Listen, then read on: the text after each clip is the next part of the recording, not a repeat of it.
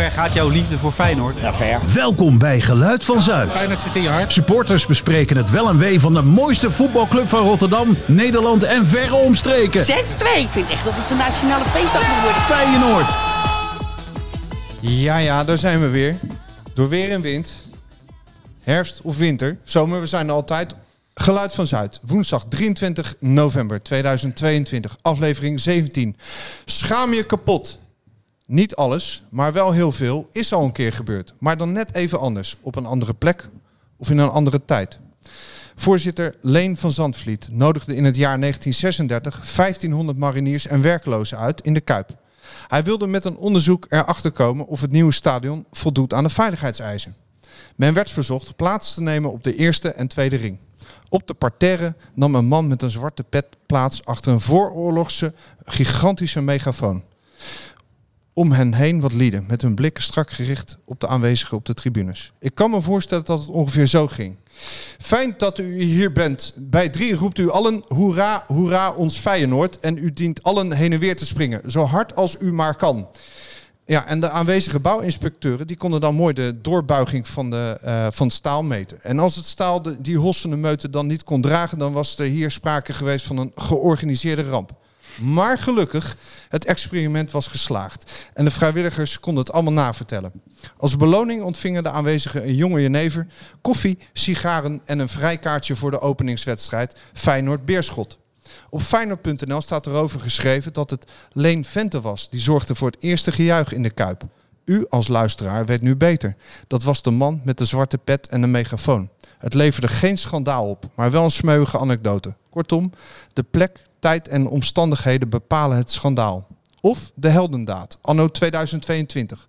Wat Feyenoorder Ali Reza Jahanbaks dit seizoen in 10 wedstrijden niet lukte, dat lukte hem wel op het WK in Qatar. Een punt maken.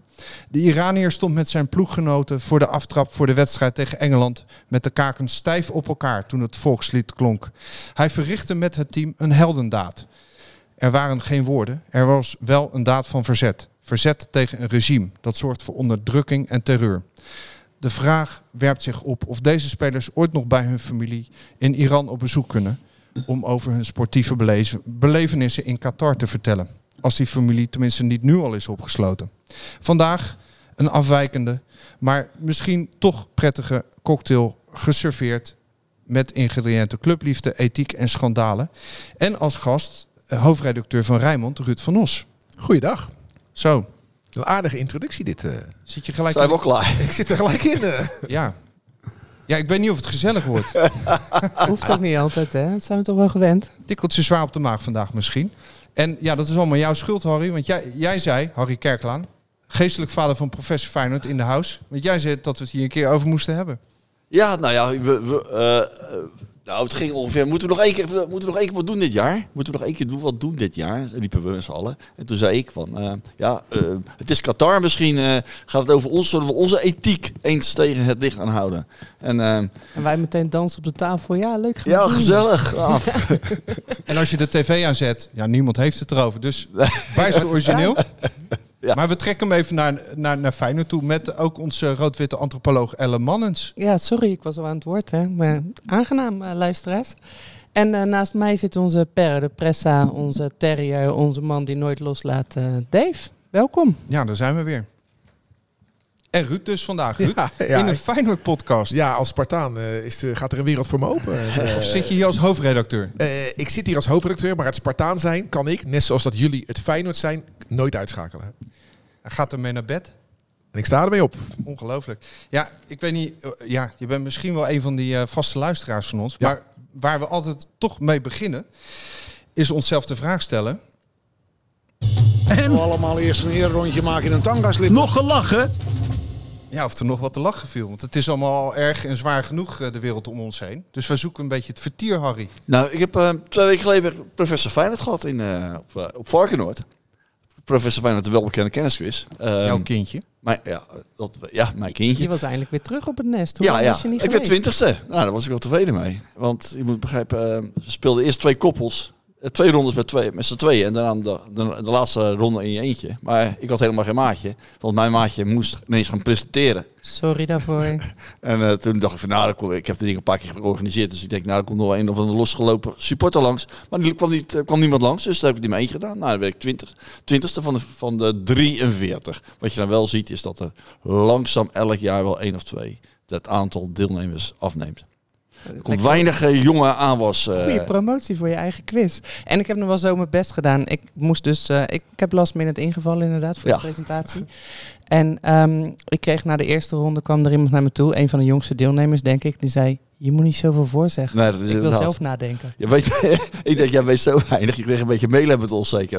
Of het ging, of ging ze een beetje voor zeggen. Ja, het- ik denk ik help jullie even Ja, ja. inderdaad door die eerste ronde. Die is makkelijk, maar daarna heb ik jullie laten zwemmen, toch? Ja, oké, dat heb ik keurig gedaan. Nee, de ik vraag, heb de vragen niet bedacht. En ik weet hoe lastig het is te vragen maken. En dit is voor mij al het 17e jaar dat ze dit doen. En het, het was gewoon knap. Ze hebben echt een mooi rijtje vragen gemaakt. Ja. Maar je, je snijdt wel iets aan wat zorgelijk is. Dat het steeds minder mensen zijn. Daar, daar, daar moet iets aan gedaan worden. Eh, desnoods vanuit de supportersvereniging. Maar hier moet toch een omkering plaatsvinden. Dit is nog een uniek gegeven. Ik geloof niet dat er andere clubs zijn waar professor eh, AZ of professor Groningen eh, wordt gehouden.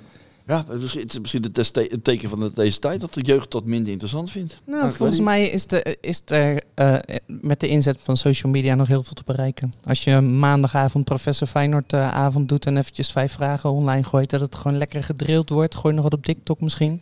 Er zit nu bij de FSV een heel nieuw team eh, qua media, eh, dat de media allemaal gaat regelen. Dus ik denk dat ze wel een aardig eind kunnen komen als ze nog even een flinke slinger eraan geven. En- maar misschien En, en één ding, alsjeblieft, blijf een beetje klein. Ik bedoel, ik ben ooit eh, begonnen met eh, mee te doen aan de NK voetbalquiz. Dat was in de, in de kantine van Excelsior Maasluis. Geweldig. Nu zijn de voorrondes, wordt het in theaters gehouden en in de Kuip. Het is veel te massaal, veel te groot. En ik, ik, ik vind het gewoon niet zo leuk meer. Er komen nu mensen, en ik gun het ze hoor, uit Groningen, uit Vlaanderen, uit, uit weet ik waar, om mee te doen. Terwijl ik vind zo- zo'n quiz, jij vindt dan 43 misschien wel te weinig. Laat het uitgroeien tot 100 max, maar, Mm. maar niet groter hoor. Ja, nou, 80 is het streven, weet Ja. ik. Nou, Dus 80 de prima. verdubbeling, 80 hartstikke prima. mooi. Ja. En echt een oproep, want heel veel mensen durven niet mee te doen. Ik heb zoveel mensen benaderd die zoveel kennis hebben, maar die zijn echt bang voor die eindstand. Die denken, die Nou ja. denken echt dat het iets voor hun imago gaat doen. En hebben het- nummer Neem je 020. synoniem. neem We hebben het hier met eh, Hans Twichten over gehad. Een hele uitzending lang hè, over professor Feyenoord. Maar zelfs het personeel bij Feyenoord heeft ook meegedaan in het verleden. Ja, Dus dat is wel even Nou ja, de ballen bloot. er, zijn, er is nu toch nog steeds personeel. Ja hoor. Dus die mogen nog steeds meedoen, toch? Lijkt mij. Ja, dus bij deze een oproep. we zijn niet uitgesloten. Hey, en even om te janken, Ja. past niet helemaal in deze rubriek, maar Hans, Twi Hans Twicht is tweede geworden. We hebben zo hard met hem geoefend in de Professor Feyenoord aflevering. Helaas, hij werd net op twee punten na werd hij tweede. Hebben we toch niet goed gedrild hier. Dat Nee, is een beetje onze schuld. laten we het daarop houden. Was er, was er nog één vraag in het bijzonder waar je van dacht... Ah, dit, ja, hoe moet ik dit nou weten? Eh, ja, er is eh, welke eh, één man, één noemde speler met de, de Fransman die ooit bij Feyenoord 1 heeft gespeeld. De Dus enige Fransoos. Enige dat is de enige vraag die ik altijd... Die, die komt terug namelijk. Die komt vaker terug. En die weet, dat is de enige vraag die ik Eh, altijd goed heb. Geef me antwoord dan. Delle, onze keeper. Ja, Joris Deli. Is jij hem? Ja, Ja, tuurlijk. Ja, ja. Ik wist het niet. Wat lief dat je die dan eh, doet. Dan voelen wij ons weer wat slimmer. Ik weet niet of hij tot vijf wedstrijden gekomen is in het eerste. Dat denk ik niet. Niet heel veel in ieder geval. Hij heeft Nou. een paar keer gespeeld. Ja, Oh, ja? Ja, maar nou ga je en- moeilijke en vragen moest, stellen. En moest toen weg om plaats te maken voor eh, Nick Marsman. ja. Ik zeg, doe een keer mee. Dat zou heel grappig zijn. Kijk hoe hoog Spartanen Ja, in de quiz. Straks wint hij Spartaan die Feyenoord. De Spartanen die een Feyenoord quiz doen, de Feyenoord die een Spartanen kan zich niet meer vertonen op het kasteel. Past wel in het thema van vandaag. Hoe je de laatste wordt, is wel mooi man. Mag dat? Ja. Hey, ik heb ook nog wel gelachen hoor. Oh ja? Ja joh, ik vind Feyenoord zo schattig dat ze ieder jaar weer een complete kerstlijn brengen. En wij zijn echt niet normaal dit jaar. We hebben eh, drie verschillende kersttruien. We hebben een onesie, we hebben een das, we hebben een muts. eh, we hebben een sjaal. We hebben echt, wij hebben, ik heb even on- onderzoek gedaan, dat moet altijd hè, voor onze podcast. Wij hebben echt de meest uitgebreide kerstcollectie ever. En ik vind de promofoto vind ik ook helemaal geweldig. Met Pedersen erop. Precies, Pedersen, die staat erbij met zo'n koppie. Alsof die Op de bus staat te wachten. Nee, nee, nee. Mijn moeder heeft deze trui voor me gebreid en Heel ik blij. moet hem aan en hij jeukt. Nee, niet blij. Hij kijkt Nee? heel zielig. Hij kijkt wel zielig. perfect. De perfecte familiefoto. Ja. Ik heb het ook gezien, ja. Ik zag Ja. het ook loskomen. Ik vind echt, nou, daar zijn we echt de beste in in Nederland. De beste. Alleen in Engeland maken ze meer eh kerst. Maar we winnen van Ajax en PSV, wat dat betreft. Ja, sowieso makkelijk. Die hebben allebei maar één trui. ja. Oh ja? Maar een, eh, een, Ja, maar die hebben verwarmd stadion. oh, die hebben het niet nodig. PSV van die lampen, misschien is dat het. Oh, ja, gloeilampen, de. Ja, Ja. Ik, ik, ik kan er ieder jaar weer kostelijk om lachen. Nee, kostelijk vermaken, keihard om lachen. Ja. Vooral doorgaan, echt waar. Ja, meer. Dit is de, toch de rubriek die een beetje licht moet brengen in donkere tijden. Maar ja, ik moet toch ook wel eventjes eh, mijn tranen delen met jullie. Ah, Ik had zo'n zin om naar Barcelona te gaan. Of naar Juventus. We hebben nog niet geloot, nee. Maar Of, inderdaad, eh, gaat, gaat hem niet worden, hè? Gaat hem niet worden in ieder geval. Tenminste niet op een normale manier. Via het reguliere circuit. Want eh, ja, het is, een, het is een beetje oud nieuws allemaal. Maar we, die boete, we hebben er wel eens eh, over gesproken ook in deze podcast. Het is een soort drieluik geworden. Hè? Eh, we spraken jou toen op die dag van die wedstrijd. Of de dag voor dat het misging in Graz. Ja. Later hadden we het er nog eens over. Kreeg ik na afloop nog wel eens de vraag van... Ja, u deed er een beetje lacherig over. Maar dat misverstand wil ik wel wegnemen. Natuurlijk balen wij ervan. Als de pispotten van de muur worden getrokken. Dat slaat helemaal nergens op. Oh, ik kan niet herinneren dat ik gelachen heb. nou ja, we, we vroegen ons nog, wij vroegen ons nog af van ja, waren die toiletten nou zo mooi? Of eh, wat was nou de aanleiding? Waarom doe je zoiets? Wat bezielt je in godsnaam? Ja. Maar en eh, Harry aan het begin van dit podcastseizoen over het vuurwerk had je nog wel zoiets van nou ja, dat kan nog wel eens een, een, leeg stadion of lege tribunes gaan opleveren. En eh, nou ja, alsjeblieft. Ik heb helaas gelijk, ik heb helaas gelijk gekregen. Ja, Ja. Ik, ik vind het ook... Die gasten die daar zo helemaal gek zijn van het vuurwerk... Ik vind de consequentie daarvan, dat er een, gewoon eh, 7000 Feyenoord supporters de volgende keer niet naar de Feyenoord kunnen, is, weegt daar toch niet tegen op? ja, maar daar denk je niet aan op dat moment. Ja, dat is onzin dat je daar niet op denkt. nee, je, want je bent, steken ze niet af. je bent, neemt dat niet toch ook mee naar het stadion. Je koopt het toch ook ergens. Ja. Je weet toch wat je er beter voor doet. Redelijk ik met voorbedachte raden. Ja, het is nogal geen met voorbedachte raad. Niet spontaan aan. Het is maar voorbedacht. En dat je dan dat doet en dan tegelijkertijd met als consequentie dat 7000 van jouw vrienden, kameraden niet naar die wedstrijd kunnen. Omdat je, omdat je weet dat dat de straf zal zijn. Weet je. Maar wat is er nou op tegen om, ik zie het bij allerlei clubs, ook bij mijn club, georganiseerd vuurwerk. Nou, dat, Dat is niet Wat- leuk, want dat is niet van de sporter zelf. Weet je, we Ja, gaan nou, er prat op dat wij het zo goed doen allemaal. Nou, organiseer het dan met de supporters. Ja. En zorg dat het eh, georganiseerd afgeschoten wordt. Je ziet het overal. En dat mag blijkbaar. En dan heb je geen boete. En als die gasten dan heel graag toch met nog 50 fakkels, maar niet het eh, gecertificeerde vuurwerk wat ze, wat ze in de kuip eh, eh, in de fik steken, als ze daar ook nog iets mee willen doen, doe dat lekker buiten, want dan kan de UEFA geen boete geven. En dan is iedereen blij. Ja. Ik Dus, vind het een goed voorstel. dus een mooi doek, dat blijft geweldig. Ja, Op het veld, op het veld dat vuurwerk. En dan buiten het stadion een paar van die vuurpijlen ook nog. Nou, dan heb je volgens mij een boost voor die spelers. Want daar gaat het toch altijd om. Het is de boost Zeker. voor de, voor de ploeg. En die hebben daar baat bij, wordt gezegd. Nou, dat zal best. Maar doe het dan wel zo dat het niet ten koste gaat van wat Harry zegt, van 7000 mensen. Ja, weet je, dat is, dit is het topje van de ijsberg. Want volgens mij is dat die samenwerking er dus niet is tussen club en supporters die het vuurwerk willen afsteken. Dat zit erin dat er gewoon zo'n kloof is ontstaan door het nieuwe stadionverhaal. Dat we elkaar niet meer vertrouwen. Nou, dat, is van tafel. Dus, Ja, alleen wat kapot is gemaakt is nog niet zo snel geheeld. Dat blijkt bij deze. maar iemand moet de eerste stap zetten. Nou, bij deze een oproep aan de leiding van Feyenoord. Wees de grootste en zet de eerste stap. Ja. En ik denk dat je heel veel goodwill kweekt als je dit doet. Pyro faciliteren. Ik vind het Dus een het prachtig wel. woord. Het wordt het woord van Dus het kan wel. 2023. Toch een beetje hoop in deze neerslachtig, eh, ja, neerslachtig einde. Eh, ja, dat brengt ons dan toch eh, ook even de vraag van Ruud. Joh, heb jij de laatste tijd voor je vrij om eh, te interrumperen? Dat doe je al. Heb jij nog eh, zaken in en om de club gezien? Om te lachen. Ja, Ja, zeker weten. of verbazing? Op, eh, op TikTok heb Ja. ik Pedersen met zijn vriendin. Dat is een Nederlandse hockeydame.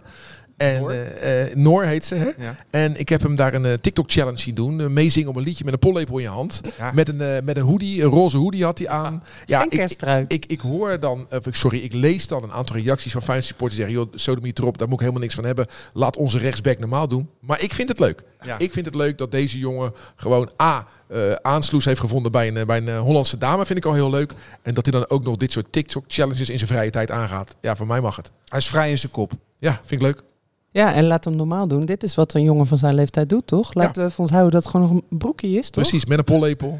Zingen. Gewoon lekker zichzelf staan, ja, prima toch? toch? Dus is fijn. We zien dat liever dan iemand in een dikke, dikke auto door de, over de meent rijden. Ja, Met geblindeerde ramen. ja. En Of poseren met een kopje koffie van 25 euro met wat goudblaadjes erop. Mooi. Ja. Wij gaan voor de roze hoodie. Ja, en dan toch eh, het hoofdgerecht van deze eh, show. ja, de schandalen door de jaren heen, hè? Schandalen in en ron- rondom de club. Ja, jij begint meteen al eh, ver, ver, ver verleden, 1936. Ja, dat is wel mijn favoriete schandaal. Ja, dat was geen schandaal, maar had het natuurlijk wel zomaar kunnen worden. Als die tribune was ingestort met die mariniers in de werkelozen. Ja. Maar ze waren op uitnodiging, hè? Ze zijn Ja, ja. niet verplicht om te komen. Dat Nee, scheelt, anders dan zou het Maar helemaal dat dubieus had niks te doen, werken- waren werklozen. Ja, Ja. kom maar. Nou, weet Jong- je, dit jonge is, jenever. ik geloof, ik heb begrepen van mijn oom dat mijn opa daar ook bij is geweest. Dit is zo'n typisch verhaal. Uiteindelijk is heel Rotterdam Ja. erbij geweest en Alle omstreken. En Staat Maar allemaal in het verzet. Allemaal YouTube gezien in zijn Paard ook van allemaal, Troje. ja, Nirvana en Paradiso, ook dat. Maar ja, het, het, het was een lolletje inderdaad. Niemand zag dat het, dat het gevaarlijk zou kunnen zijn. En het was ook extra inbegrepen. Het was ook echt dat, dat, dat Van Zandvliet dacht, nou, weet je wat, ik wil nog even weten of het stevig genoeg is. Eén testje. Ja, Ja. want hij had het ook helemaal niet kunnen doen. Wie kan je missen? Dat- Ja, maar is toch een, dat- met- de mariniers kan je niet missen. Nee? Een stadion van toen 65.000 eh, zitplaatsen. Ja. Testen met 1500 man. Dat is echt voor de bühne. Ja. Dan kan je zeggen, hé, we hebben het gedaan. Ja, ja, ja, dat Maar voor, het voor het beeld, voor het beeld is het natuurlijk Tuurlijk. blij- blijft een raar verhaal. Anno nu zou het nooit gebeuren, denk ik. Echte mensen, nee. nee. Nee, grappig. grappig. Maar wacht, grappig. Eh, zijn we hierover, eh, zijn we hierover Zijn we uitgeluld nou? ja, over dit incident? Zeg maar. 1936 Ja. voorbij. Nee, ik kom namelijk over nog... ethiek hebben, dan gaan we elkaar netjes laten uitpraten. Wat Oh ja, ja. keurig doen we dat. Ja, heel mooi. fijn. Nee, ik ben namelijk ook op onderzoek gegaan. En ik ben zelfs, eh, zelfs bij, bij de oprichting van Feyenoord ging het gelijk al fout. Nou ja, een klein beetje fout dan. Nou, ik heb eh, in voorbereiding op dit, eh, op dit item, ethiek, eh, denk ik, ik, ik had dit boek nog staan. Hand van handkameraden van 100 verhalen over de geschiedenis van Feyenoord. Door Jan, de welbekende Jan Oudenaarde. En helemaal voorin, toen Feyenoord 19, even kijken hoor, we gefuseerden met DSC. Dan moet ik even met mijn hoofd en even kijken. Clubanalen. De club aanhalen. We, we fuseerden met DCS. En DCS was blauw en wij waren rood-wit. En toen gingen we het geen DCS heten. We, gingen, we konden trouwens kiezen uit drie namen. Hè? Weten we het, de andere twee namen? Mars, Cel- Celeriatas. Celeritas. Nee, nee, we hebben Celeritas geheten. Promoveerden we. Ja, we konden sowieso Mars heten. Mars, het zuiden en Feyenoord. Ja, ik vind het zo jammer dat we geen Mars heten. We gingen fuseren, maar de- toen gingen we ook nog even fuseren met DCS. En toen, wij waren rood-wit. En zij waren blauw. En toen kozen we toch voor de naam Feyenoord. En vaak heb je dan dat dan de ene club, eh neem je de clubkleuren van de een, die neemt de ene clubkleur en de naam van de ander. Maar wij namen zowel de naam als de clubkleuren. En als compensatie voor de mensen van DCS zouden we een blauw-wit schildje op ons shirt doen. Oké. En dat zijn we helaas vergeten. te We doen. hebben, we hebben ooit in het blauw gespeeld. Ja, maar goed, we zouden als, Uit, eh, uit. Compensatie. Maar Goed, dat blauw-wit, we hebben op DCS-leden die al, ja, ja, oké, vooruit dan eh, blauw-wit. Nou, we zouden een blauw-wit schildje doen, hebben we helaas toen niet gedaan. Dus al bij het, helemaal in het begin heeft het bestuur al een kleine... Maar ja, dan rijst de vraag, mag dat? Is dat nou verwerpelijk of is dit gewoon een eh fuck-up in slecht Nederlands? Nou, toen, het woord fuck up bestond in 1917 niet, maar we beloofden, we gingen fuseren met DCS. Ja, je Zouden- kwam het niet na. en we kwamen dat niet, en de belofte kwamen niet na. En DCS heeft een aantal hele goede spelers afgeleverd. Maar heeft het gedonder opgeleverd ook? Nee, nee, nee, nee. DCS was ook wel blij dat ze konden voetballen, maar Het stond niet het op was niet Twitter. netjes. Het, was niet, het stond niet op Twitter, nee. Twitter ontplofte niet. Dat, dat was het grote voordeel. Toen kon gewoon alles nog. Ja, Twitter ontplofte toen nog niet. En de krant kwam nu toch pas een ontploft dag Twitter later. 30 keer per dag. Hey, en dan weer even trekken hem weer naar het nu. Onze aanvoerder, Kukchu, met die band. Heel Nederland viel over hem heen. In alle eerlijkheid, mijn eerste reactie was ook... joh, gast, doe niet zo moeilijk, doe dat gewoon. En later dacht ik ook, ja, maar oké, wacht. Als dit nou tegen allerlei dingen van hem, vanuit zijn religie, zijn achtergrond, zijn familie, alles om hem heen indruist, is het ook wel weer ingewikkeld. Lastig, lastig, lastig. En dan heb je nu een WK waar je niks mag zeggen, niks mag laten zien, waar de Duitsers met een, met een hand voor de mond op de, bij de aftrap staan. One Love, regenboog dingetje in je kraag aan de binnenkant van het shirt van België mag ook niet. Wat gebeurt hier allemaal, joh? Is dit toch? Wacht even. even we, Even één ding we, tegelijk. we doen het lekker. We brengen hem lekker terug naar Feyenoord. Even dat terug. vinden we fijn. Orkan Koksu. Met die band. Ja, ik vind hem ingewikkeld dat die band dan weer wordt teruggebracht naar is een regenboogvlag. Maar het is, het is, er zit alles zit erin. Er zit lichtblauw in, er zit roze in, er zit bruin in. Alles zit erin. En ik ben nog maar eens een keer de definitie van dat One Love gaan zoeken. One Love staat voor verbinding in het voetbal en is dus tegen alle vormen van discriminatie. De, One Love aanvoerdersband wordt gedragen door alle captains in het professionele voetbal. Maar, sorry, die eerste zin is het belangrijkste. One Love staat voor verbinding in het voetbal en is dus tegen alle vormen van discriminatie. Ja. Wie kan daar nou tegen zijn? Ja, die- dat, Nou is mijn eerste Maar als dan een onderdeel is en die jongen is gelovig, hè, en dat, dat, dat is een gegeven, die jongen is gelovig. En als dan een onderdeel daarvan is, is ook die eh, gay-acceptatie. De moslims zijn niet, moslim heeft niet zoveel met de Islam is niet zo fan van de gay, zeg maar. Misschien Dus het- bij deze zeg dat je, dat ik ben, niet, triggert. ik ben geen voorstander van One Love. Maar Nou ik ja, wil ook nee. nog... Ja? ik wil hem eigenlijk zeg maar ook van de andere kant laten zien. Eh, je ziet nu ook een reactie. Hè? En ik, ik heb nog niet helemaal stelling genomen, merk ik. Maar je ziet nu ook in een reactie dat zelfs buitenlandcorrespondenten begrip hebben dat men in Qatar eh, dat allemaal niet wil zien eh, eh, en wil uiten. Omdat ze zeggen, ja, dit is een hele, dat zijn jullie waarden en die kom je hier even importeren. Daar zitten we niet op te wachten. Dat is de andere kant van de medaille. En in hoeverre moet je die jongen van 21 dat, of 22 dat kwalijk nemen? Ja, dan moet je hem vooral geen aanvoerder maken. Want ik vind niet dat eh, als dit een van de waarden waar Feyenoord voor staat is, en dat is dat, het. dat, dat, dat de aanvoerder maar aan cherrypicking kan doen. Deze waarde draag ik wel uit en deze waarde niet. Het is alles of niets. Nou, als hij dat niet wil, prima, andere aanvoerder. En dit dus is gebeurd is. ja, voor die ja, ene wedstrijd. Ja, maar dit is in Nederland natuurlijk iets wat wij allemaal wel normaal en eh, dit hoort erbij. En je hebt als, als sporter kan je ook een voorbeeldfunctie zijn. Maar een wedstrijd later zat hij weer eh, keurig om zijn arm. Maar er Maar- zit ook een stukje misinformatie vanuit de bond, vind ik. Als de aanvoerder van Feyenoord niet goed weet wat deze band betekent, dan Ja. heeft de bond haar werk niet goed gedaan. Maar dat vroeg ik me inderdaad ook af.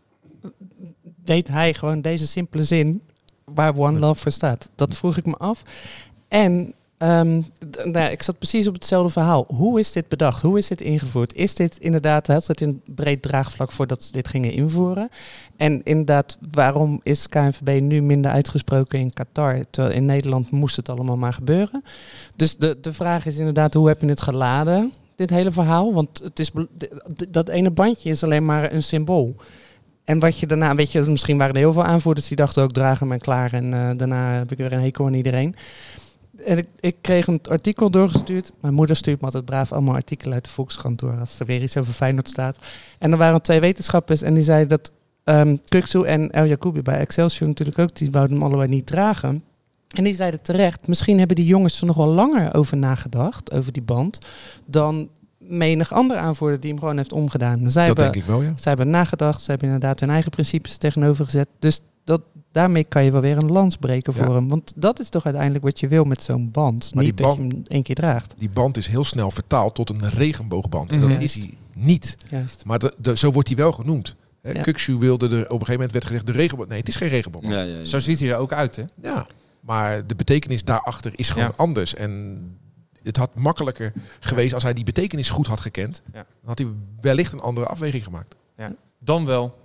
Hij wil het gewoon niet, want het is nog steeds een onderdeel van. Nee, En maar als, je, als het is wat. Ellen zegt, het is een band die Ja. staat voor tegen, de- tegen discriminatie zijn. Ja. Nou, ik Ja. denk dat hij wel tegen discriminatie Ja. is. Ja. Ja, maar eh, de wij islam is geen fan van, van, van homofilie. Nee, maar toch wel, ze zijn toch wel en- tegen discriminatie. Ja, maar, ja, misschien is de islam discrimineert wel een beetje homo's dan. Is dat, zal dat zijn? Nou, misschien is het een onderdeel van de totale acceptatie. En de LHBTIQ+, misschien vergeet ik het nog even, vergeef me, is daar een onderdeel van. Maar het is ingewikkeld. Ja, en daarom Ja, maar wat ik- het grappige ook, hij, is ook, hij zegt ook niet waarom. Hij wil, Nou ja, hij, Hij, hij komt dan met die clichés als respect. Weet je dat woord ook hij wil heel- geen uithangbord zijn. Ja, dat zei hij. Ja, voor geen uithangbord. Waarom wil, maar waarom wil hij dan geen uithangbord zijn? Hij is Van iets, aanvoerder. van wat? Van wat? Ja. Van die gedachte van achter One Love. Oké, Ja, leg ja, uit. Leg maatschappelijke uit, ja. waardes. Maatschappelijke waardes. Maar dat maakt hem dus zo ingewikkeld. Weet je, dat is, dat is fijn Ja. dat wij nu een Nou, podcast maakt- hebben het over is ethiek. ingewikkeld omdat hij gewoon niet durft te zeggen waarom. Nou, misschien inderdaad, omdat hij niet kan eh, eh, in een one-liner kan uitleggen waarom. Of hij durft het inderdaad niet. Dat zou hij durft het waarschijnlijk niet. hè. Maar ik vind ook sowieso ethiek in het voetbal maakt hem zo lastig. Want Dat je is moet, je moet maar even in één quoteje, in twee zinnetjes, moet je even iets vertellen voor de camera. Als wij als supporters iets willen roepen, dan moet je dat in een heel kort spreekwoordje doen. Nou, dan kan je ook niet nuances aanbrengen. Dus genu- genuanceerde gesprekken. Daar is bijna geen ruimte voor in het voetbal. Nou, gelukkig nu alle tijd Goed voor. dat wij dat nu doen inderdaad. Ja, gelukkig hebben de FIFA als lichtend voorbeeld. Hè? Die laten zien hoe het allemaal moet. Tuurlijk. Ja, Ik denk, jij gaat deze podcast beginnen als Infantino. Nee. Today, nee, today I'm gay. nee, nee. Today I'm... eh, Ja, wat is die allemaal? Hij is arbeider, hij is eh, heel de regen. Nou, het, wat daar allemaal gebeurt, dat, dat valt met geen pen te is beschrijven. het eh, gênante voorbij. Ja, het is echt bizar. Hoe kijk jij daarnaar? Ja, met kromme tenen. Het kan gewoon niet. Maar het is heel simpel. We zijn te laat. Dit is in 2010 bekend geworden. Ja. We gaan naar Qatar. Vanaf 2010 had daar keihard actie op gevoerd moeten worden. En als Frankrijk, Duitsland en Brazilië in 2010 hadden gezegd... ja, gaan wij niet doen. Had er nu geen toernooi geweest. Daar had het ergens anders geweest. Hadden we het toernooi al gehad, had het in de zomer gehouden. Ergens in een ander land. Too little, too late. En hoe, hoe kijk je naar de KVB die volgens mij vier weken geleden zei... wat de consequentie ook is, wij gaan gewoon wel met een bandje op, op het veld op. Wat de consequentie ook is. Heel stoer. Eén gele kaart verder. Ruggengraatloos. Ja, Want ook de tweede One Love actie is ook afgeblazen. De laatste speelronde voor de winterstop zou ook de armband gedragen worden. Is ook afgeblazen. En eh, een- een paar maanden geleden toen Oranje met dat zwarte shirt, Football Supports Change. Wat was het nou voor een loze kreet, joh. ja. Ze staan eigenlijk nergens voor. Dat is het. Dat is eigenlijk wat resoneert nu. Ze staan nergens voor. Nee. Ze nemen stelling in, maar zodra het spannend wordt, dan is die stelling gelijk weg. Ja. Weet je wat ik zo lastig vind aan dit hele verhaal? We maken een supporterspodcast, we hebben het bijna niet over voetbal. Ik voel me als supporter ook een beetje te kakken gezet door FIFA. Weet je, het, het spelletje wat ik zo leuk vind, waar ik zo graag naartoe ga, wat zo'n belangrijk deel van mijn leven is, dat is in de hoogste regionen. Wordt daar zo debiel mee omgegaan. En ik voel me zo machteloos. Ja, ik ben het, het kinderachtigste wat ik kan doen is, ik kijk geen WK. Ja, hoi, hoi, hoi, er gaat iets gaan veranderen dan. Maar ik voel me echt voor lul gezet door wat er nu allemaal door de FIFA wordt gedaan. ik vind het spel leuk. Kijk dan ook maar niet naar die eh, Netflix-serie over de FIFA. Want dan ga je echt, dan barst je echt in tranen uit. Ja, Als jouw favoriete spelletje, als daar zo mee omgegaan wordt door mannen met macht. ja. Maar wat die mannen met macht, eh, hebben ze met z'n 22 besloten hè, dat het WK hier... hier Ja. nou, er zijn er FIFA 19, 19 van zijn er al ontslagen, of vervolgd, eh, je zit in de gevangenis. Het zijn Zou die leuk. 19 van de 22. ja. Die zijn allemaal we- weggestuurd vanwege fraude. Ja, Ja. en weet je wat het ding is? Wij Niet gaan toch ons spelletje niet opgeven. Want we, Nou dat maakt niet uit. Het maakt ons allemaal echt geen moer uit. In die Netflix-serie, als je hier meer over wil weten, zegt op een gegeven moment Guido Tornioni, de voormalige adviseur van Sepp Blatter. Het is volgens mij een aflevering 1. We moeten er om geven, omdat sport de wereld nog steeds de illusie biedt dat het leuk, eerlijk, amusant en schoon is. Dat is het niet, maar die illusie leeft nog voort. Als we sportcorruptie niet bestrijden, moeten we geen corruptie bestrijden, zegt hij.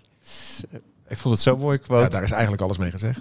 Mooie man trouwens ook. Eh, Het is echt een goede serie. Ja, maar ja, eh, gaat daar ooit nog verandering in komen?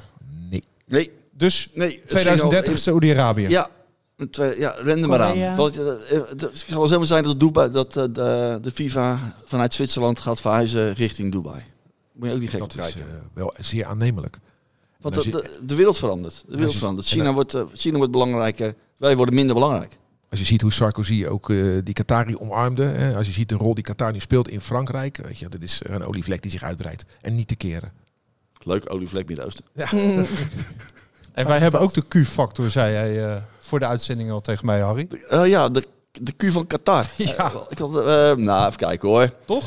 Wij hebben er ook een beetje last van natuurlijk. Nou, de Q-factor. ehm, ja, want dat boek, hoe heet dat? Loerders en de Maas. Loerders aan de Maas hebben we kunnen lezen dat onze de heer Blankenmeijer nog wat met geld aannam van criminelen en wij ook spelers in de jaren 70, 80 nog onze pilletjes slikten. Ja. En toen vond ja, eigenlijk een beetje voorbeduurd op de net. En toen vonden we het eigenlijk ook goed. Ja, maar dat is het leuke van ethiek. Dat zeg maar, dat kan veranderen. In die tijd was het al, maakt niet uit, doen we zo'n pilletje.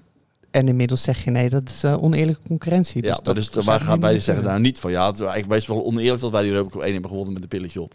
Nee, want iedereen kon toen nog een pilletje slikken.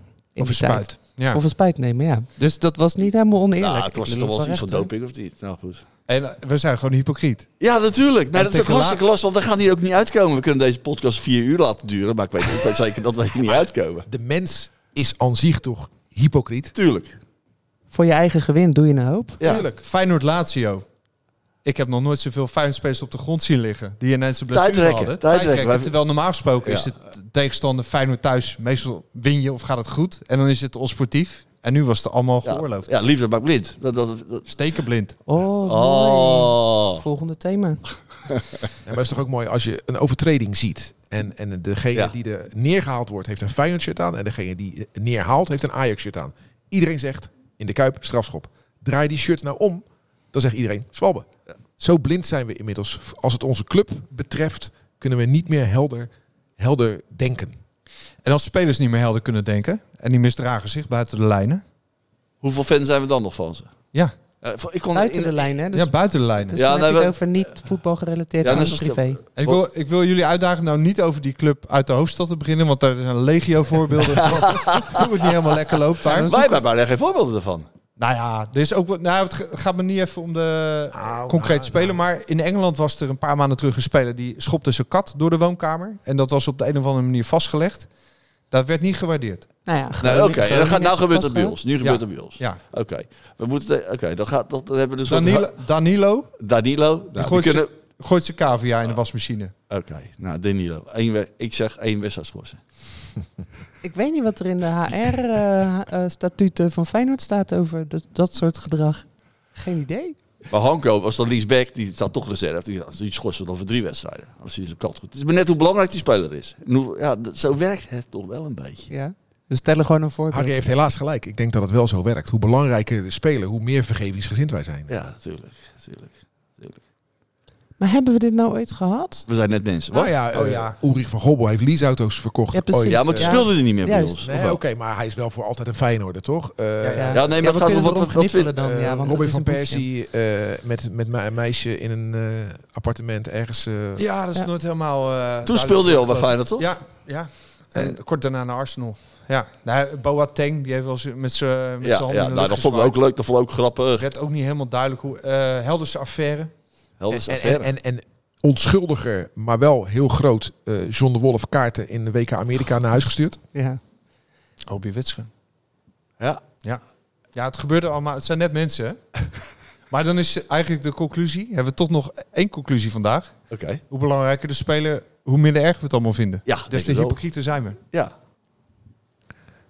Inderdaad. Dus de derde linksback, die... eh die kun- Vieren Die kunnen delen. we weken. Als het de derde linksback van De Feyenoord derde- is, dan zeggen vier. jullie eh, twee wedstrijdjes schorsen. Als het de linksback van Ajax is, zeggen jullie levenslang schorsen. Ja, precies. Goh, we zijn hypocriet. En, en F- en Feyenoord ging... Want we hadden het net over Qatar en alles. Maar Feyenoord ging ook gerust op tournee. Door allerlei landen. 1960 in Rusland.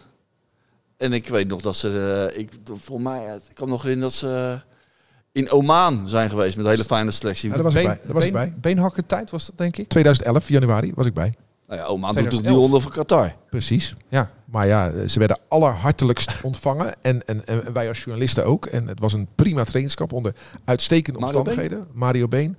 Leo Beenakker. Leo Beenakker die eh, een paar weken later eh, ontslagen werd. Dat eh, werd toen al, hing toen al in de lucht. een mooie anekdote blijf ik toen vinden. Heeft helemaal niets met dit onderwerp te maken. Maar ik was daar namens Rijnmond en ik had een trui aan. En die was nogal van opvallende aard. Roze. Eh, groen, beetje roze, beetje geel. Ik was er heel trots op. Van Benetton. Leo Beenakker loopt achter mij langs bij een training. Ik sta te filmen en Leo Beenakker zegt tegen mij... Die verkoper van die trui van jou, dat moet echt een kanje geweest zijn. Ja, man, met humor. ja, heel scherp. Maar dat was een prachtig trainingskamp. En, eh, ja, en dan heeft niemand het daarover. Nee. Want Hoe waar- het- waarom gingen we daarheen? Op uitnodiging, omdat Rotterdam een samenwerking heeft met de haven van eh, Oman, Sohar.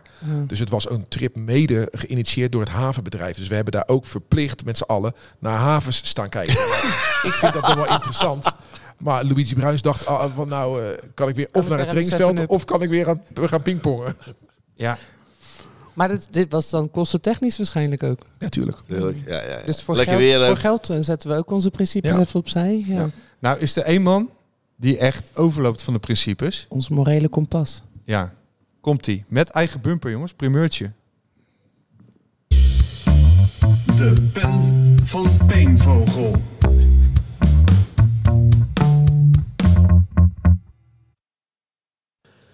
Aaron. Op een warme donderdag in augustus schijnt de zon fel in het Poolse dorpje Oswiecim. Al kent de hele wereld het dorpje alleen bij de naam die de Duitsers het gaven.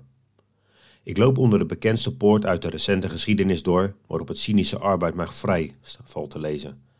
Een beklemmend gevoel maakt zich meester van mij. Een paar kilometer verderop staat een ander bekend gebouw. Een poortgebouw waaronder een treinrails loopt. Het was de eindbestemming voor Aaron Naarden en zijn moeder. Direct na aankomst met de trein in september 1942 werden ze vergast. Naarden was op dat moment geen actief lid meer van Feyenoord. Reeds in 1940 schreef hij zich uit met als reden gebrek aan animo. Waarschijnlijk zag de familie de bui al hangen. Zijn oudere broer Emmanuel bleef wel lid, totdat in het najaar van 1941 alle verenigingen werd opgeroepen haar Joodse leden te verwijderen. Feyenoord gehoorzaamde en Emmanuel werd uitgeschreven. Ook hij overleefde de oorlog niet. Vorig jaar werd Steven Berghuis op een Rotterdamse muur afgebeeld in een gestreepte pyjama en met een grote neus. Er waren mensen die zelfs op dat moment durfden te beweren dat het niets met de oorlog te maken had, maar dat het een reactie was op het feit dat Ajax-supporters zich Joden noemen. Ook de laatste tijd is het in de trams terug vanuit de Kuip schering en inslag om liedjes over Joden, Berghuis en zelfs Hitler te zingen. Voor die mensen zou een bezoek aan Auschwitz niet misstaan, al valt er aan domheid nauwelijks iets te doen. Uit mijn tijd bij de klankbordgroep van Feyenoord weet ik ook wel dat er destijds nauwelijks afspraken viel te maken met onze evenknie in Amsterdam. Een verbod op niet-clubgerelateerde vlaggen werd geschonden door het tonen van een enorm grote Israëlische vlag die je niet zomaar in je achterzak het stadion inneemt. En ook de spandoeken en spreekkoren in de arena waarop het bombardement op Rotterdam wordt verheerlijkt waren nooit ver weg. Wat het bombardement voor de gehele bevolking, en zeker de Joodse, in Nederland betekende behoeft geen uitleg. Na de overgave was het dankzij de punctualiteit van de Nederlandse overheid een eitje voor de naties om ongewenste elementen op te sporen. Historisch besef en correlatie is aan de fans in Amsterdam kennelijk niet besteed. Maar laten wij Feyenoorders in godsnaam de verstandigste zijn. Stop met al die autoliedjes, kap met die spreekkoren en dit soort graffiti. Sta er gewoon boven, omdat het voor de nabestaanden, zover ze er nog zijn, echt kwetsend is. Doe het voor Aaron Naarden, een echte Feyenoorder die vermoord werd. Alleen omdat hij Joods was. Zo. Ja, dit verdient een staande ovatie wat mij betreft. Vet, hè? Zo, hier. Ik kan gewoon niet meer praten. Kippenvel bij, eh, oh. Ja, Ik- nee, het is echt niet omdat het koud is hier. Nee. Maar Ruud, dit komt bij jou ook even binnen. Ja, dit vind, dit vind ik geweldig uit het hart gegrepen. Eh, Ik vind het echt eh, geweldig hoe hij dit verwoordt. En eh, ja, er is één ding wat voetbalsupporters gewoon niet beheersen. En dat is de kunst van het negeren. Want als je gaat negeren, stel dat ze inderdaad zingen bommen op Rotterdam. Negeren, moedig Feyenoord aan. Alleen daar stop je het mee. Maar als jij gaat terugzingen dat zij Joden zijn. En dan gaan zij nog harder zingen over die bommen. En dan gaan jullie nog harder zingen over die Joden. Wordt het alleen maar erger. Negeren, negeren, negeren. Pro-club en niet eh, met die tegenstander bezig zijn. Precies. Zij doet schuldig ook altijd toen hij bij Feyenoord zat. Van, eh, waarom zeg ik, toen de tweede keer toen hij trainer was. Maar ja, waarom kijk ik nou elke keer over Amsterdam, elke keer over Ajax? Ja, we zijn Maar- meer anti dan pro. We zijn meer anti dan pro, ja. Ja, zonder van je tijd. En Maar goed, maar even terug de P-vogel. Het was inderdaad, eh, ja, moet Het was maar- wel raak, hè? Hij moet Timmerman worden. Dat was wel weer de spijker op de kop, ja. Ja. Terwijl, Maar eh, wat, eh, vooral ook, ja. ehm, weet je, het is, de, het, het is geen antisemitisme. Het is gewoon Nee, dommigheid. natuurlijk niet. Het is Ja, dommigheid. Hadden ze geroepen dat eh, in Amsterdam dat ze Indianen waren, dan waren, hadden we Precies, daar waar wij gezongen. waar wij met Kuiberhoede gaan lopen. Ja. Ja, nee, dat is zo. Dat. Ik heb het is nog- dommigheid. we hebben bij ehm, ehm, de talkshow die ik maak met Theater Walhalla hebben we Jasmin Sabel hebben we op bezoek gehad. Zij is promovendus van de Erasmus Universiteit en zij deed onderzoek naar antisemitisme inderdaad in het voetbal. En zij zegt ook, het is zo'n verwarrend ding wat er gebeurt. Want er zijn eh, supporters, en het zijn niet alleen Feyenoord supporters, er zijn heel veel supporters in Nederland, heel veel dingen over Joden aan het zingen die echt niet kunnen. Om Ajax maar te kwetsen. Ja. Maar de laatste die ermee kwetst is Ajax. Want die hebben helemaal niks met Jodendom te maken. Die hebben zich een religie toegeëigend waar ze in, in de basis van hun club helemaal niks mee hebben. Want weet je waarom ze zich Joden noemen? Nou ja, dat, Nou, ze zat in de Jodenbuurt, toch? Wat- ja, precies. wat leden ja. ooit... eh, Nee, nee, nee. Nee, nee, dat is Jodenbuurt, Harry ja. het goed. Het Ja. had zelfs niet met leden te maken. Als je naar het stadion ging, dan... In meer heb je het dan over. ehm, sorry, mijn laat- Ajax laat ze niet is uitweiden niet over verkeerde podcast. Maar Ja. die, dan liep je dus door een Jodenwijk. Ja, dus daarom zeiden Ja, mensen, we gaan naar de Joden. Ja, ja, ja. Nou ja, in ieder geval lang verhaal kort. Peenvogel raak. Hij, was, eh, hij klonk niet helemaal fris, hè. Hij is flink in de lappenmand eh, gelegen, maar toch en, weer en opgekrabbeld. toch leveren, hè? Toch weer Ja. geleverd. Ja. En eh, hij blijft leveren, wat ons betreft, natuurlijk. Zo, Maar hij wordt, hij wordt, ik, het is eerst gaat de transfermarkt open. Nou, daar wil ik wel eventjes duidelijk over zijn. Peenvogel heeft een gelimiteerde transfersom van 1908 miljoen euro. Ja. Bier. Want ja, Kein Geloel, de collega-podcasters, die zitten gewoon aan hem te trekken, openlijk, hè, Ja. sans gêne, Niet te koop. op Twitter. Hem gewoon eh, aan te moedigen om te solliciteren. Ze hebben daar plek. Ze willen Ja. hem graag hebben. Nou, we hebben zojuist de prijs neergelegd. Ja. In overleg met Peenvogel zelf. Je houdt er ook wat aan over. Hebben we net een leader, gaat hij weg. Ja. Waarom denk je dat hij ineens een leader heeft? Hij vindt een leader. Hij- Dat is ook niet helemaal ethisch. Eigen bumpertje. Ja, ja, precies. En dan Kijk, hebt toch geen leuke mooie leaders, man. Nee, die hebben geen Peenvogel goede moet hier leaders. blijven. Die hebben geen goede leaders. Peenvogel moet blijven. Peenvogel moet blijven. Oké. En dan even terug naar de schandalen. Een van mijn favorieten. Ook weer een smeuige. Zegt misschien ook iets over mij. Maar dat was de, de affaire van Nicole Edelenbos met Maarten Oldenhof. Dat was destijds... Nicole, dat, die kwam eigenlijk hier op de winkelpas als Jorien op zijn boot eh, Cyprus was. Dan zou hij op afstand kunnen besturen en zij zou het hier allemaal gaan runnen. En Maarten Oldenhof was toen de directeur van, eh, van de club uit de hoofdstad. Ja. En eh, ja, die vonden elkaar best wel leuk. Die hebben verkering gekregen. Die hebben zelfs kinderen inmiddels. Ah, het was het wel waard.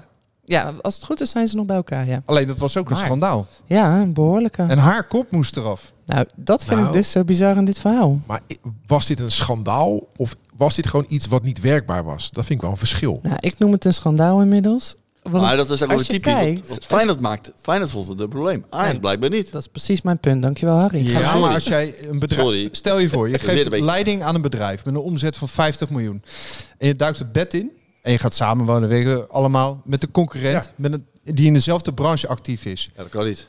Dat is Nee, ingewikkeld maar dat hoor. zeg ik dus. Dat Harry zegt, dat kan niet. Ik vind het geen schandaal. Dan moet je een oplossing voor vinden. Of de een vertrekt bij eh, de ene, het ene bedrijf of de ander vertrekt bij het andere bedrijf. Nou, en Ajax is lekker achterover gaan zitten. Ja, en en die heeft de- lekker lachend toegekeken hoe eh bij Feyenoord keihard werd gewerkt om Nicole eruit te werken. En, en klaar. En zij zagen, hun, de reactie van Ajax was, wij zien geen reden om hier in te grijpen, want het is een privé-aangelegenheid. Terwijl Jorien van der Herik zegt, ze kan heel belangrijke informatie gaan lekken. Is het natuurlijk zo. Wat een mega verschillende Nou ja, benadering. Kijk, Amsterdam was toch slimmer dan Rotterdam. Helaas. Want Jurien werd er boos op. En Voor mij heeft hij zelfs nog geld moeten geven aan... Twee eh, ja, ja, ja. ja, twee precies. En. Ajax, eh, Lachende derde. Ja, maar die zijn dus echt gewoon even achterover gaan zitten ja, en gaan precies. kijken wat er bij ons Dus die werd boos van de. Ja, maar het is een soort van pokeren. Ja. Eh, wie, wie, Wie beweegt eerst? wie- ja, wie beweegt eerst? Nou, Jorien, te vroeg Jurien bewogen. het eerst. Duidelijk veel te vroeg. Oké, niet handig, zeggen we hiervan. En eh, de veldbestorming ooit.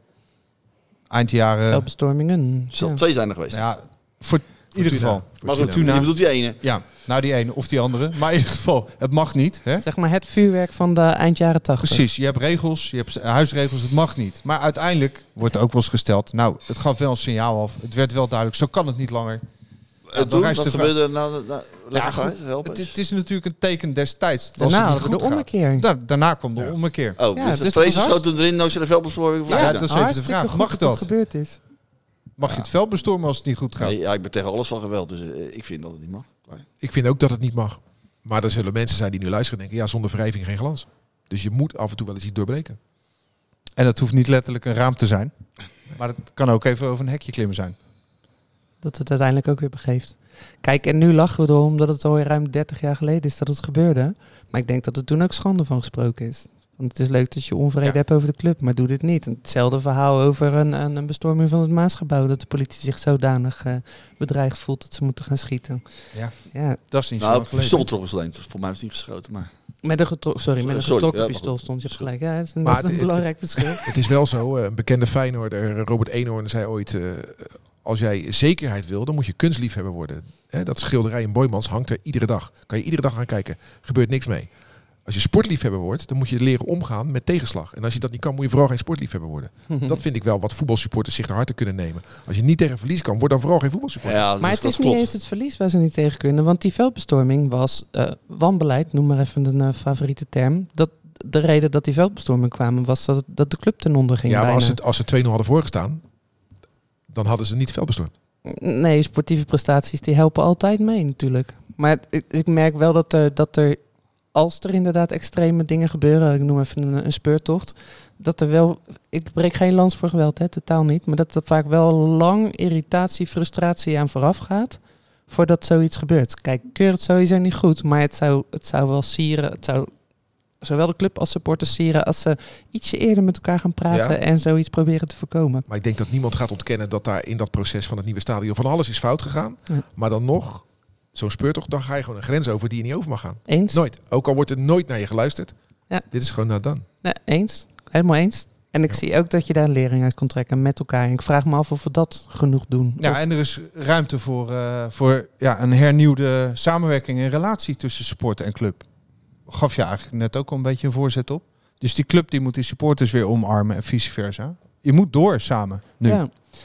Nou ja, wat ik mooi vond is dat ehm, eh, Jan-Willem van Dop, die heeft het bijvoorbeeld ook gedaan, dat, dat er onrust was bij het, bij het Maasgebouw. En die heeft echt de eerste mensen die die zag het je aangewezen. Jij, jij, jij, maandag bij mij op kantoor. En wij gaan praten. Ja. Ja.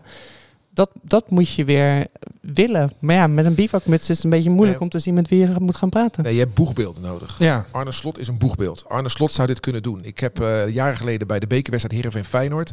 Feyenoord verloor. 16 januari 2009 eh, was dat. eh voor mij nog met net Gert-Jan van Beek was net weg.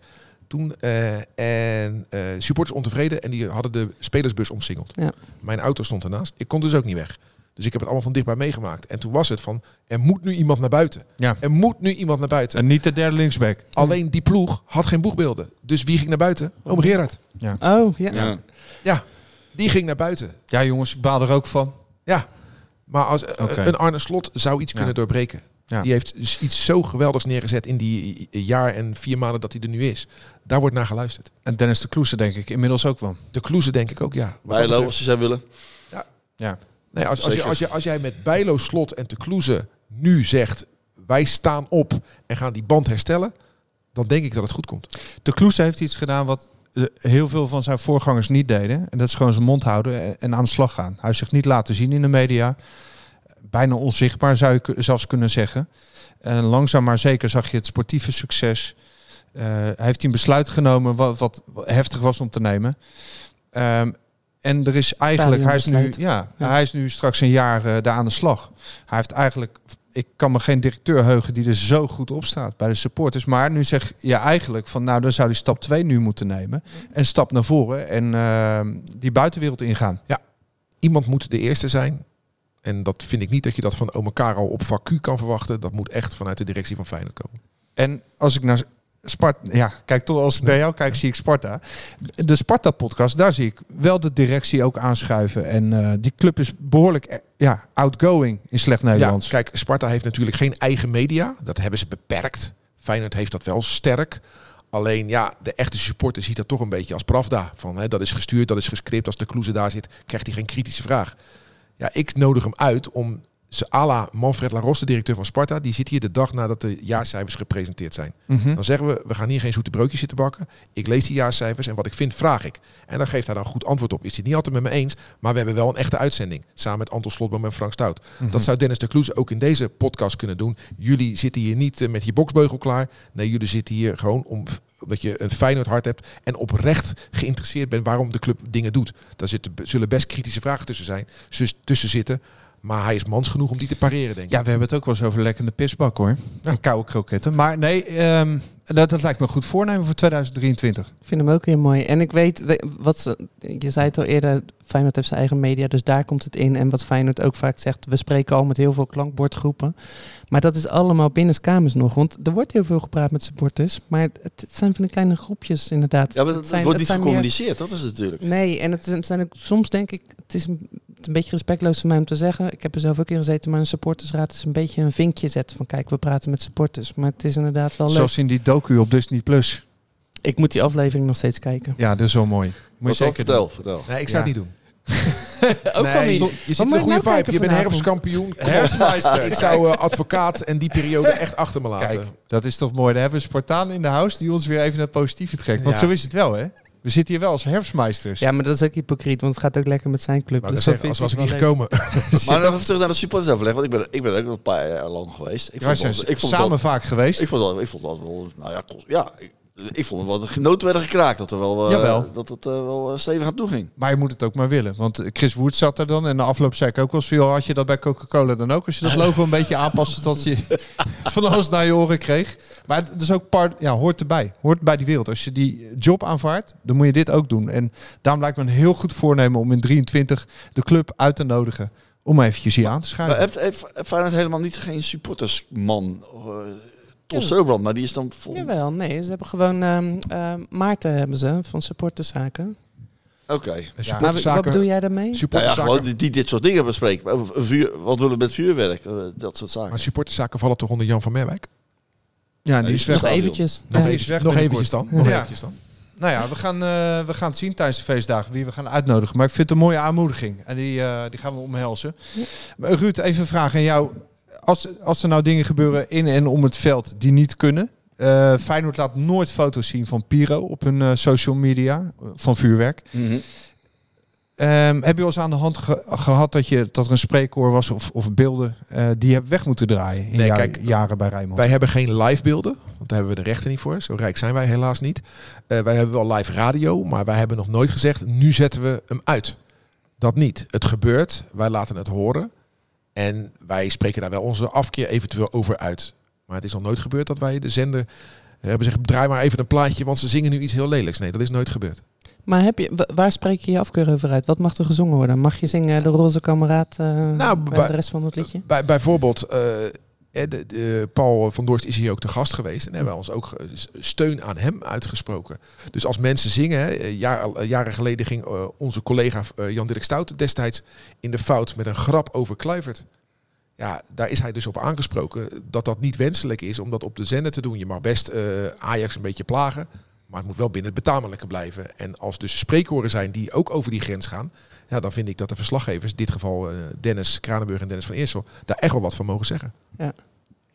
Dus dan ga je zelfs ook een beetje, want wij, wij riepen in het begin van de podcast nog, moet je, reli- ah, hebben we niet geroepen, moet je religie en politiek wel in het voetbal eh, gaan betrekken. Maar jullie, jullie spreken je gewoon duidelijk uit Ja. over wat wel, wat Kijk, niet. wij afficheren ons heel sterk met de clubs in deze regio.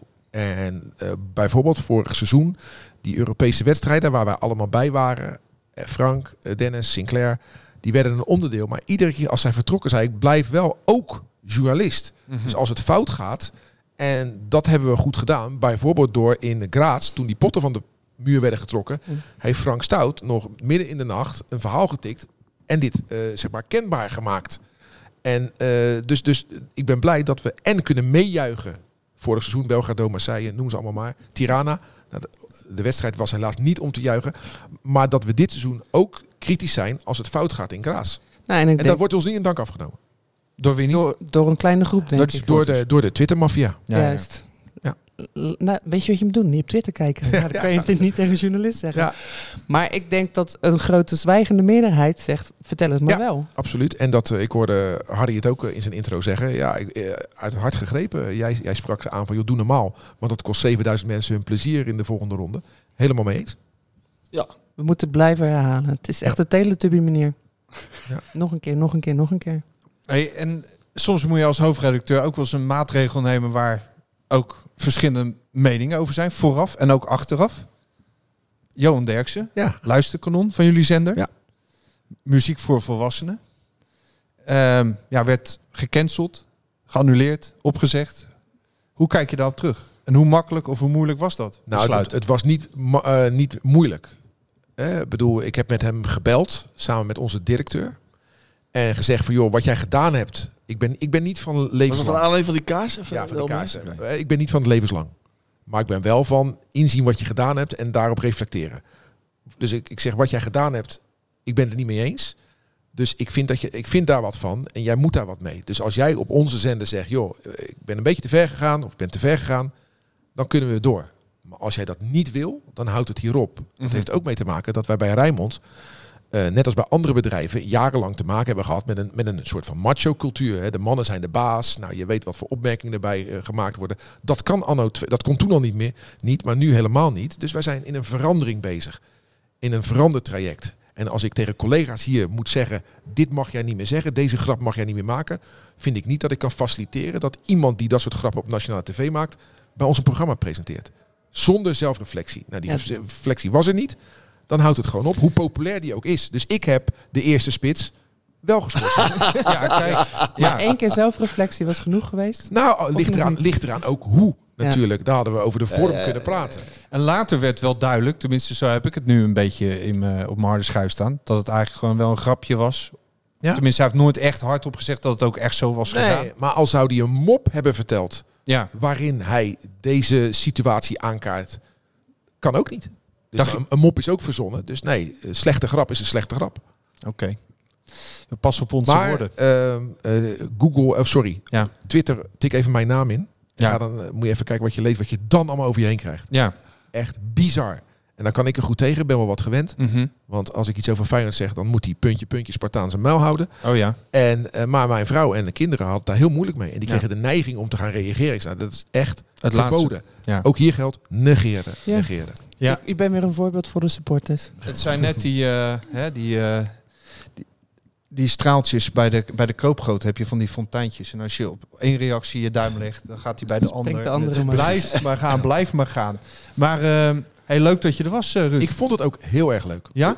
Verwacht van mij niet nu dat ik afsluit met het hand in hand Nee, dat gaan we kameraden. niet doen. Nee, ik, wil niet eens horen van jou. Daar zijn we mee begonnen namelijk. We proberen het altijd zo, zo rond de 45 minuten te houden. En eh, soms uh, blessuretijd. Ja, nu tegenwoordig is het gewoon 10 minuten, dus dat is keurig. Maar ik wil nog heel eventjes terugkijken naar 22 en een klein beetje vooruitkijken. Begin ik even bij jou. 2022. Ik ben helemaal stil, man. Helemaal stil. Moet ik over voetbal praten? Je weet toch dat ik Nou dat niet doe? Hoe was, hoe was het? eh, Ik, ja, maar 2022 Qua Feyenoord bedoel je? zitten we nog steeds in de Conference League eh, eh, ehm, euforie. Jeetje, ik kan Het is een van onze mooiste jaren ooit, jongen. dat is mooi, hè? Ja. Ja, absoluut. Ja. Kijk wat we allemaal bereikt hebben. Waar we stonden in januari. Wat, eh, finale gespeeld in Europa. ja, maar nu gewoon... Eindelijk een keer positief transfer saldo. Ook Ik ben echt met tientallen miljoenen nog nooit gehad. Gewoon nog nooit gehad. Verwarrende tijden, hè? Jonge helft ook. wij Jonge helft al Nee, prima man. Het wild ligt man. Alleen ja. Hey, maar jullie vergeten wat. 22 is ook het jaar dat het stadion officieel van tafel ging. Oh, ook nog een goeie. Zou bijna vergeten. Ja, Ja. ja. Werd eind 21 ingezet, maar te Kloeze in april was definitief. Ja, nog de laatste stuiptrekkingen van de gemeente. Maar die mochten ook niet baten. Heeft de Raad van State de grote streep doorheen getrokken. Precies. En, eh, ja, mooi. Ja, het is de vraag eh, over vijf of tien jaar of dat goed is of niet. Ik weet het niet, ik vind het lastig. Maar in ieder geval is het, ge- is het van tafel. is duidelijkheid. En heb Ja. je duidelijkheid. En Ja. dat, is, eh, dat is wat waard. Ik had, ja, sorry, kom ik weer eh, met een tranentrekker. ik kreeg de hard gras in mijn handen geduwd. Met op de achterkant eh, twee redenen om hem niet te kopen. Henk Spaan en Matthijs van Nieuwkerk. Maar ook één reden om hem wel te kopen. Wat is, wie is dat dan? Ja, nou, hou maar op. Ik, ik ga zo even schreeuwen tegen je, dan weet je het weer. Voetballand Qatar is special, maar... Hoeveel borst? Ja, dat is... Nee, maar van Oké, Nieuwkerk, nou Matthijs even. van Nieuwkerk. er staat een eh, in memoriam in eh, voor Gerrit-Jan van Heemst. Geschreven door Hugo Hey. Borst. En Gerrit-Jan is eh, oud-redacteur Hand in Hand. Verschillende fijne boeken geschreven. Stadion Sportnieuws. Eigenlijk iemand zoals Super lieve gozer.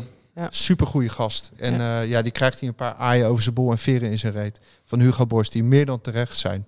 Zijn laatste artikel, dat is de aanleiding namelijk. Zijn laatste artikel, wat nog niet helemaal af was, staat hierin gepubliceerd. Ehm, ja, Koop hem voor Gert-Jan. koop hem sowieso. voor Gert-Jan nog. En ehm, nou ja, luisteraar bedankt. En we hopen er volgend jaar weer te zijn. En het aller, allerlaatste woord is zoals altijd niet aan ons, maar aan Peter Houtman. Voor wat betreft hier nu een hartelijke groeten en wie weet tot ziens. Doei doei!